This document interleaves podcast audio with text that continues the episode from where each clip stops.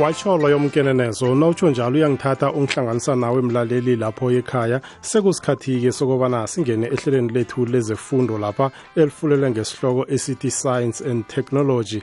Eh lapha-ke kukulapho sikubizela khona iinthekeli ezihlukahlukeneko ezivela emazikweni ahlukahlukeneko. Zize lapha zisilethele ilwazi elidephileko ngamaziko abasebenza kiwo ukuthi iscience kanye netechnology isisiza kangangani nokuthi iscience kanye netechnology technology iwenza njani nje umsebenzi wethu ukuthi ube lula eh, nokuthi nje ukhona ukuzwisiseka ufundise nomphakathi ngalokho okwenziwawo kilawo maziko ahlukahlukeneko. Kanti-ke ehlelweni lethu lanamhlanje silapha ngikhambisana nodr siphumelele ndlovu oyi-senior researcher eh, ku-biophotonics lapha kwa-csir nguye-ke osivakatshi sethu sanamhlanje si uzosihlathululela ngesihloko esicakathekileko lapha eh, i-biophotonics.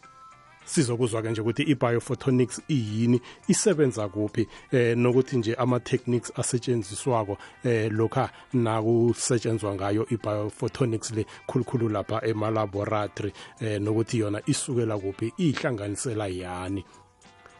Kodwana angingayicedi ngedwa indaba le ukhona udr eh hlala nathi-ke mlaleli uzokuzwa ukuthi udohotere uyihlathulula athini nokuthi yona isiza nayifika kuphi eh ukuthi impilo zethu zikhona ukuba ngcono nomsebenzi ube lula.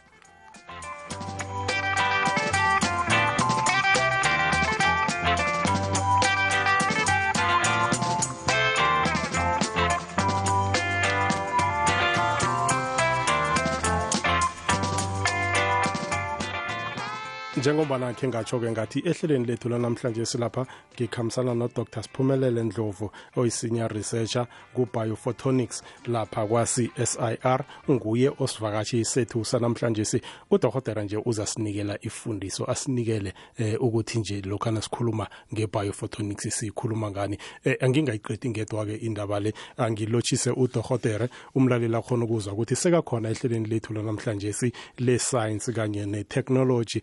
Dohotere lotshani ngiyaphila baba njani? Ayi siyaphila mana ungalotshisa nomlaleli ekhaya?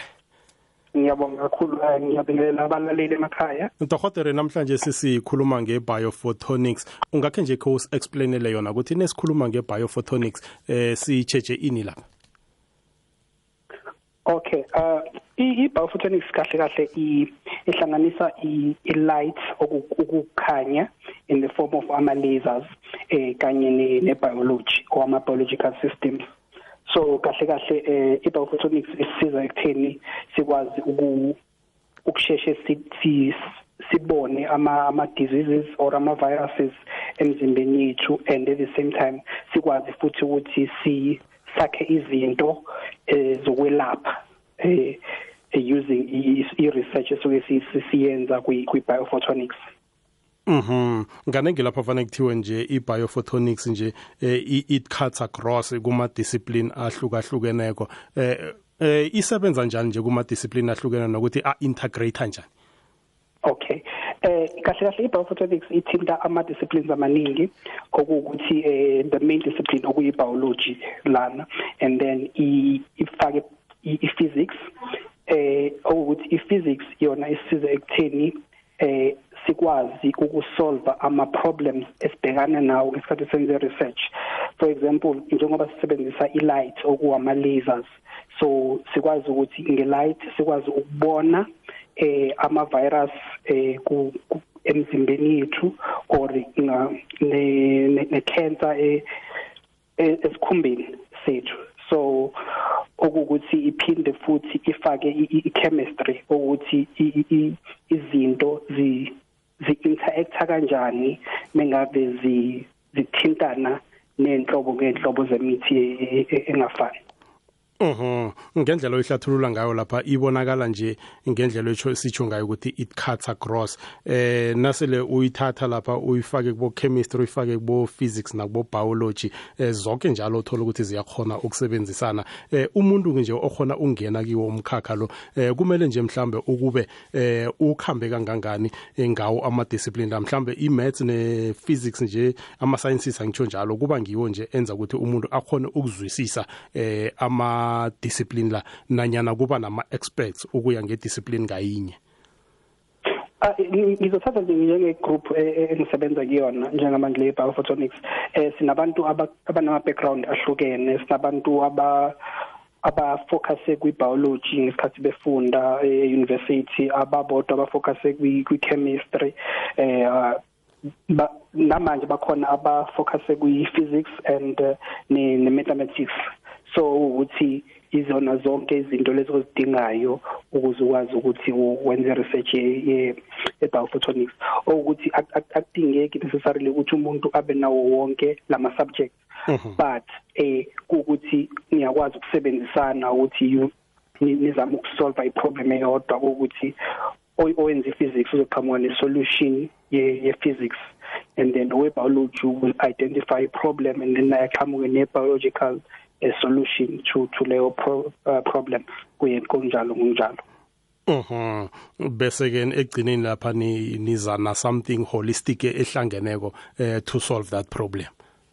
Yes ukuthi into i-aim ekugcineni ukuthi siqhamuke nento abayibiza ngama point of care systems. Ukuthi lama point of care systems isikhathi sinikuba ama ama devices lawa ongeke uwathole endaweni zasemakhaya kuma rural areas. But isikhathi siningi ozithola ezibhedlela but ngenxa ukuthi asinazo izibhedlela e, e, ezi ezisendaweni zasemakhaya isikhathi siningi so kuba ukuthi ku ku develop or kwakhiwa ama devices or ama systems lawa azokwazi ukuthi siwasebenzise ekutheni kucheckwe abantu izifo ezahlukahlukene. Ukucheckwa indaba zabo HIV yabo TB abo COVID into ezikanjalo. Okuthi eh a good example yalento lena is i oximeter eh I'm, I'm sure abalaleli abaningi bazwile abantu ukuthi ngesikhathi secovid bebe bebephelelwa ioxygen emzimbeni. Mhm. Okuwukuthi ngisathi umuntu ade phelelwa oxygen bekade kunga checkwa ukuthi sambe sizomfuthisa something or ukuthi ukwazi ukubonakala ukuthi yini kahle kahle le i-oxygen yakhe ingakanani emzimbeni. Kodwa kunalokho bekade kusetshenziswa i-device encane nje isikhathi esiningi normally abayifaka ku emunweni in your fingers. So ukuthi maybe ifake lo muntu leyo leyo device leyo ishine i-light through your fingers and then leyo light leyo ihamba phakathi egazini iyophumela on the other side of your finger. And then ngesikhathi ifika on the other side the same device iyakwazi ukuthi icalculate ukuthi ingakanani light ehambile and then low light leyo then mesiyakwazi convert ukuthi okay kusho ukuthi ioxygen ingaka and then uzothola kwi-screen sakho lapho ikubhalela ukuthi une-oxygen engaka and then uzothola futhi ikubhalela ukuthi i-pulse rate ukuthi inhliziyo yakho ishaya ngamandla angaka. Okuyizinto ezibalekile lezo ukuthi sizazi ukuze sazi ukuthi isimo sethu sempilo sikanjani. Mhm. Dr. Mm. Akhe sijengentolo nje sijike ngemarket sokuthengisa siza kubuya kodwa sirakele phambili. Mhlawumbe uza sihlathulule lapha umehluko phakathi kwe laser eh ne light ukuthi kuyinto yodwa nanyana kuyahlukana. Eh akhe sijengentolo ba. Umkhanyo empilweni yakho ngamalanga. Ikwekwezi FM. Ukhanya ba. Emandla yedwa neskinini ukuya emachirini namaphethelo. 4.1 kukhanya lalela ihlelo olithandako ngepodcast ngesikhathi sakho ku-ikwekwecfm co za kukhanya ba usalalele ihlelo lethu le-science ne-technology lapha kukwekwezi FM lapho ngikhambisana khona no-dr siphumelele ndlovu oyisenior researcher lapha ku-biophotonics kwa-csir nguye osivakatshi sethu sanamhlanje lapho sitsheje khona nje i-biophotonics. Uyasihlathululela nje ukuthi kuyi-combination ye-light ne-biology ngendlela ayihlathulula ngayo nokuthi nje ingena kuma-disciplines emkhakheni ehlukahlukeneko. Eh, eh dr asiragele phambili lapha. Busasihlathululela lapha nge-light nokuthi isebenza njani nje ukuchecka eh abo-oxygen nje nama-viruses akhona emzimbeni. Eh ingabe nje nesiyikhuluma nge-light sitsheje nje i-light ye-laser nanyana kuzinto embili ezihlukeneko? Uh, ngokuchaza i-laser i-light umehluko okhona ukuthi eh ngelesilungu baye bathi i light eqoqene. Okuwukuthi i-example engayenza ngihlezi ngenza example ngendaba ye torch so okuwukuthi mungabe ushayina i-torch next to a wall. Oh. Uyakwazi ukubona i-circle ye torch ishayina on the wall. Okuwukuthi mengabe umove back umove away from the wall leyo circle iyakhula ibe nkulu. So okuthi i-light le ukuthi with i-laser yona bengabe uyishayina on the wall and then mongabe uhlehla i-circle eyenziwa yileyo light eh ayishintshi ayikhuli so i-laser uyakwazi ukuyikhanyisa at like at a distance and then i maintain i-sport size okuwukuthi la ikha eshayina khona isize yakhona ingashintshi i-laser i-light into eyenza ukuthi siyibize nge-laser ngoba leyo light leyo eh ayishintshi kalula mengave ukuthi eh uyishayina at a distance object Mhm. Mhlambe mhlambe they are uses. Ingabe yona nawo mhlambe ayafana nanyana ayahluka. ayahluka ngenxa yokuthini um ama lasers ane energy ukuthi i-energy yakhona ayifani ngenxa yokuthi kwi-biophotonics sidila nama nama cells and nama cells are very sensitive so asikwazi ukuthi sisebenzise eh ama lasers ane energy enkulu ngoba sizo damage ama cells but eh for for example mengabe kwenziwa ama surgery manje bayakwazi ukuthi basebenzise ama laser lawo ama lasers lawo ama surgery like ukukhatha ama wound nokuheal ama wound lawo uh, they are a bit different from ama lasers lawo asebenza eh esiwasebenzisa kwi biophotonics Mhm ngoba kuyinto engiyicala lapha ukuthi eh mhlambe asizwisisi kuhle njengabantu abangekho kiwo umkhakha lo eh ngendlela etsho ngayo nje ukuthi i-laser iyasebenza nje eh ukuhila nanyana iyasebenza ukuhlanganisa inyama ke sizwe batsho njalo. Kanti ke sinye isikhathi uyathola nje i-laser eh kube yinto nje ekuthiwa batsho iyasetshenziswa ukusika ngendlela etsho ngayo nje ukuthi ayahluka. Ayahluka. Eh mhlawumbe enye example engaye engayenza mhlawumbe ezokwazi ukuthi understand kakhulu abalaleli eh isikhathi esiningi kuye kuvele ema movies mengabe umuntu e, e, ezama ukudubula umuntu okude and then kube na that light e red ezoshayina kulowo muntu before umuntu odubulayo adubule. So that leyo light le red isuke kuyi laser esuke iqhamuka from the gun and then ayibeke la kwi target azofuna ukudubula khona.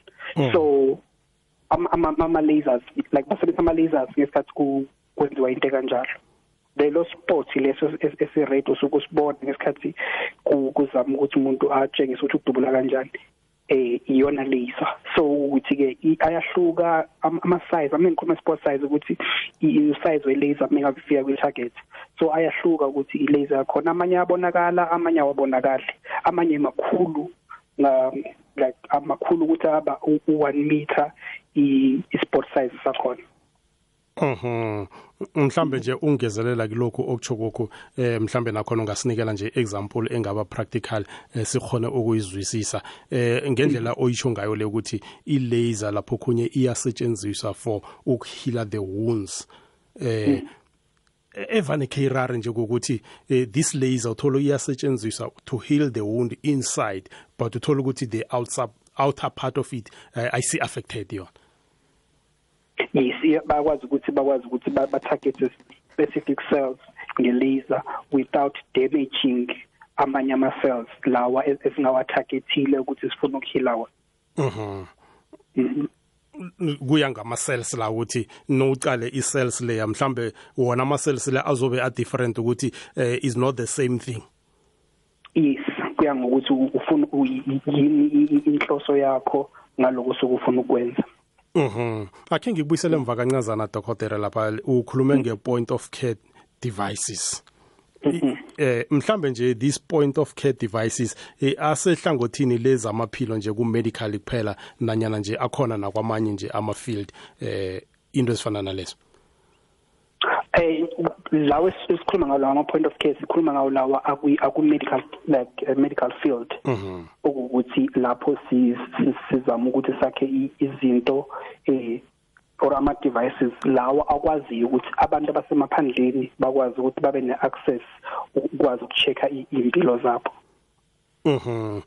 Mhlawumbe okhunye esingatsheja ke nesiragela phambili lapha ukhulume nangama techniques ama equipment asetshenziswa ukiwo ama research afana nala. Eh ingabe nje mhlambe kuba ngimaphi nje amanye ama eh, ama techniques enwasebenzisako lokhana nenza i research lapha e laboratory okay. Eh, e laboratory khona isikhathi esiningi kusebenza kakhulu ama kusebenza kakhulu ama lasers and then uh, mase kuthi uh, there is a physics part of it.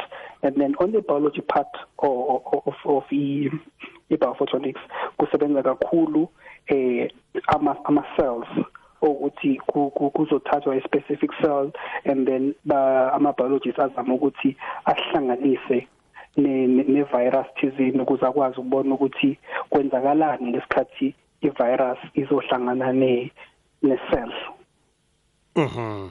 So yeah and then ke mase ukuthi eh and then kusebenza kakhulu nezama computers ukuthi lapho kuzo for example kuzothathwa ama images and then lawo ma images lawo eh kuzama ukuanalyzewa ke ukuthi ngesikhathi kwenzeka i kuhlangana i cells ne virus or i cell ne ne treatment kwenzakalani ukuze sazi ukuthi before lezi zinto zinikwa abantu eh kwazeke ukuthi ingabe nobungozi ngabe izokwazi ukuphilisa umuntu enemiphilisi imphilisi isikhathi singakanani Mhm. Okhunye lapha ngithi ngiyachecha nje phakathi kwawo ama techniques enikhuluma ngawo lapha eh ngibone lapha kwenye nje i document eh ekhuluma ngayo i photo i photonics eh kukhulunywa nje nge surface plasmon ne resonance ingabe lapha bathi ukuthinda Okay uh with that part it's mostly part yaka biology and then uh I'm mostly kwi part yaka yaka physics and I'm not really an expert. Bengazokuzwa ngakuphathi yaka yaka biology. Yaka biology le. Alright dokotere akhe sije ngentolo kodwa siza kubuya nje siragele phambili siyicedelele ngombana nje sesiyisele nemzuzu elisumi kuphela. Akhe sije ngentolo. Ikwekwezi fm imbombela namaphethelo ku-96.8 kukhanya landela ikwekwezi fm enkundleni zokuthintana ukubana ikwazi ikulandele nawe. Tiktok at ikwekwezi fm ikwekwezi fm middleburg namaphethelo 91.8 fm usalalele ihlelo lethu le-science ne-technology lapha kukwekwezi FM lapho ngikhambisana khona no-dr siphumelele ndlovu oyisenior researcher lapha kwa-biophotonics lapha kwa-csir okunguye osivakatshi sethu sanamhlanje si. Usibekela yona ngelimi elula nje ukuthi lokho nesikhuluma nge-biophotonics sikhuluma ngani? Eh uthe lapha nakayingenisako indaba le watsho ukuthi eh i-biophotonics ihlanganisela eh, isemkhakheni nje lapho kuhlangana khona i-light umkhanyo eh, ne-biology eh, ngombana zonke lezi zisebenza emkhakheni lo we-medical wezamaphilo angitsho njalo. Dohotere asiragele phambili ke lapha. Ngikuzwe ukhulumisa ukuthi i-light le iyachecha nje ukuthi i-virus ingene kangangani emzimbeni eh bese nje mhlambe ke nokuthi i-treatment eh kumele ibe njani. Ingabe lokho mhlambe nesiza ngehlangothini le-treatment kusesengini godu enenza i-research enjengaleyo nanyana niyidlulisela kwabanye godu? Ah into enzekayo asenzi i-treatment but senza i-research elidela ekutheni ukuthi kwazeke ukuthi yiphi inhlobo ye-treatment engasebenza nengabe i-virus ingene ngalendlela kumuntu. Mhm. And then enye into engenayo ukuthi eh right now i-challenge khona ukuthi abantu abaningi baya benza ama treatment ama fake also ukuthi i-biophotonics also iyakwazi ukungena ikwazi ukubheka ukuthi leyo treatment leyo iyona yona yini or i-fake. Mhm. Eh kulapho kusebenza yona i-biophotonics le. Ekucheckeni izinto ezifana nalezo. Eh mhlambe ke nje okhunye esithi siyakuchecha eh singasho nje ukuthi i-research eniyenzako le. Eh, ingabe nje iragela phambili nanyana eh kusese ku pilot stage lapho nenza khona into ezinjengalezi? Kukhona lathola ukuthi eh senikhiphe khona eh angithi mhlambe ama results ukuthi eh nangabe kune eh virus efana nale eh i angithi mhlambe lokho ekungatrithwa ngakho eh kuba ngilokho kukhona lapho esenikusebenzisa khona nje kuma hospitals ahlukeneyo uh, uh yes kukhona indawo eziningi ezisebenzisa i-research eqhamuka la e-CSIR and then ukuthi eh one of the achievements the recent achievements was ukuthi i-group yethu uh, has been able ukuthi ikwazi ukuphuma ne-point of care esebenzisa i-smartphone. I-smartphone? Yebo. Sesikhona nje ukuthi usisetshenziswe naso as one of the devices? As, as part of the device yes. Hayi dokotela tsho ukuthi mkhulu umsebenzi enwenzako enenenza nje ukuthi impilo zethu zikhone ukuba lula nje eh kungasathola ukuthi nje mhlambe eh kusetshenzwa nzima ekutheni nikhone ukuthola into ezinjengalezo. Mhlambe ke nesithi siyachecha elinye ihlangothi lapha kwangathithi lapha e-CSIR nicalelele khulu nje abantu abakuma sciences. Eh ingabe nje mhlambe i-awareness yokuthi abantu nje bakhona ungena kuyomkhakha ngombana nakunje niyasebenza mkhulu muhle umsebenzi enwenzako eh i-youth ukuthi ikhona ungena kuyomkhakha lo eh akhona nje ama-awareness enwenzako yes uh, in as much as ngithanda ukujoin CSIR but uh, there's a lot eyenzakalayo e-CSIR uh, abenza sure ukuthi abantu they are aware nge-research eyenzakalayo. And I know ukuthi they also do ama visits where they, they visit ama communities they visit schools ukuthi bazi nge research eqhubakalayo la ngaphakathi. Mhm. Lokho kuyenza kanje ukuthi abantu abatsha bakhona ungena kiyo umkhakha lo eh wama science ngombana kukulapho nje umsebenzi wenzeka khona nokuthi ungenzeki ngamandla. Eh mhlambe ke nese sichecha lapha sisebenzele ukuyisonga eh ihlangothi nje lokuthi eh abafundi bangene kiwo umkhakha lo eh nokuthi nje imfundo eh, ezenziwako lapha nabanetshisakalo ukuthi bangene emkhakheni lo mhlambe ufana nabo biophotonics eh nokusebenza ngabo laser lapha. Eh kuma high schools abakhambe ayokufika lapha kuma tertiary of higher institutions. Eh imfundo angazithatha kuba ngisiphi? Uh izifundo ezingasiza kakhulu kuba izona izifundo zakwa science eh ukuthi lapho kufaka i-physical science eh kufaka i-biology kufaka i-mathematics and uh, yeah. Basically udinga lezo zifundo lezo and then ke most ufike e-university i think ila usuchoose khona ukuthi eh uqhubeka nebiology because ngokwazi kwami abantu abadinga ibiology kakhulu abadingi i-maths e-advanced but badinga i-maths ezokwazi ukuthi basize just to do basic calculations. So ukuthi university yakwazi ukukulekelela lapho ukutshengisa intela ukuthi okay uma ufuna ukumajor nge-life sciences eh okuyi-biology ile route ekumele uyithathe. And then eh even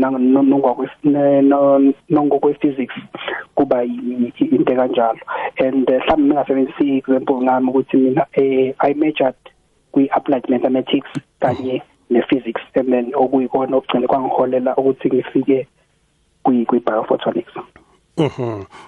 Uyazi okhunye nje mhlambe ngendlela ehlathulula ngayo eh so ukhuluma ngabo applied mathematics eh kube nabo technical maths indonyana ezifana nalezo nje eh, uyathola nje ukuthi kumhlobo we maths ohlukahlukeneko eh kodwa nje vane sekukhulunywa nge pure maths ingabe nje bona abo applied nabo eh, eh analytical maths technical maths zinge zingaphakathi kwe pure maths lenanyana eh, zi deviator ziphume nasele niya lapha kuma tertiaries ya ngasothi ufike e-tertiary yabe uyakwazi ukuthi ba uchoose i-mathematics ehambisanayo eh nomkhakha wakho because kukabili kunomuntu ozo major or ozo focus ukuthi degree yakhe yena is going to be on mathematics and then kunomuntu odinga i mathematics for for biology for example. And then that person won't be doing this the exact uh, same uh, mathematics eyenziwa umuntu o, o major in mathematics. And then kunomuntu owenza i mathematics ezomsiza ekutheni ukuthi eh wenza i computer science. So kuba kuba kanjalo kanjalo. Awuzwa ke eh dohotere nje mhlambe in conclusion amagama akho wokugcina eh nokukhuthaza abantu abatsha nje ukuthi bangene kuyo umkhakha lo. Eh udr ngathini? Uh ngathi kunziba musabuka from a distance but once wa wangena ngaphakathi kwi science eh iyenzeka especially kubantu bakithi. Eh iyenzeka and futhi inezinto eziningi eh ezikujabulisayo ezumuntu omnyama ukuthi lapho uyakwazi ukuthi ukwazi ukubona amanye amazwe uyakwazi ukuthi ukwazi ukumitha abantu othola ukuthi bofunda ngabe incwadini ongazi nokuthi baya exista eh so ama opportunities maningi and uh, umhlaba unama problems amaningi and thina izabantu sonke to solve lama problems. Mhm. Eh dohotera nje mhlambe nongana inkinga nje mhlambe inomboro eh angingathi inomboro ngombana iziza kuthwenya lezo. Eh kuma social media platforms nje labo bafuna ukukhulumisa mhlambe nje kunama experts eh alaleleko nokhuluma eh ngayo ibiophotonics le eh bafuna ukuengage nawe. Eh utholakala kuphi? Okay ngikhona ku Twitter eh @dr Sphume Ndlovu ihandle yakhona eh mase kuba kuthi ngikhona futhi ku Facebook eh as usiphumelele Ndlovu. Mhm. Sithokoze Dr isikhathi sakho nelwazi nje osifundise ngalo namhlanje si ngiwo umkhakha lo eh we medicine Ibonge nawe msakazi kanye nabalaleli for ah. Ithuba awuzwa-ke. Loyo bongu-dr siphumelele ndlovu oyi-senior researcher eh, ku-biophotonics lapha kwa-csir nguye bekasivakatshi sethu sanamhlanje si eh, sithokoza kuzala izandla nje isikhathi sakhe nelwazi asinikele lona eh, ukuthi nje nathi siphandluluke simphakathi ukuthi izinto zisebenza njani eh, lokhu thina esingakutshejiwo nanyana nje esingakuboniko nje ukuthi kusebenza njani into ezifana nalezo. Asilibeke lapha-ke ihlelo lethu lanamhlanje le-science ne-technology. Ngithi mina nawe-ke mlaleli sibuye sihlangane kodwa kilo leli hlelo ngolosithathu weveke elandelako. Lapho sizabe sesikuphathele esinye godu isihloko esimayelana nayo isayensi kanye netechnology. Kwanamhlanje si akube mumusa.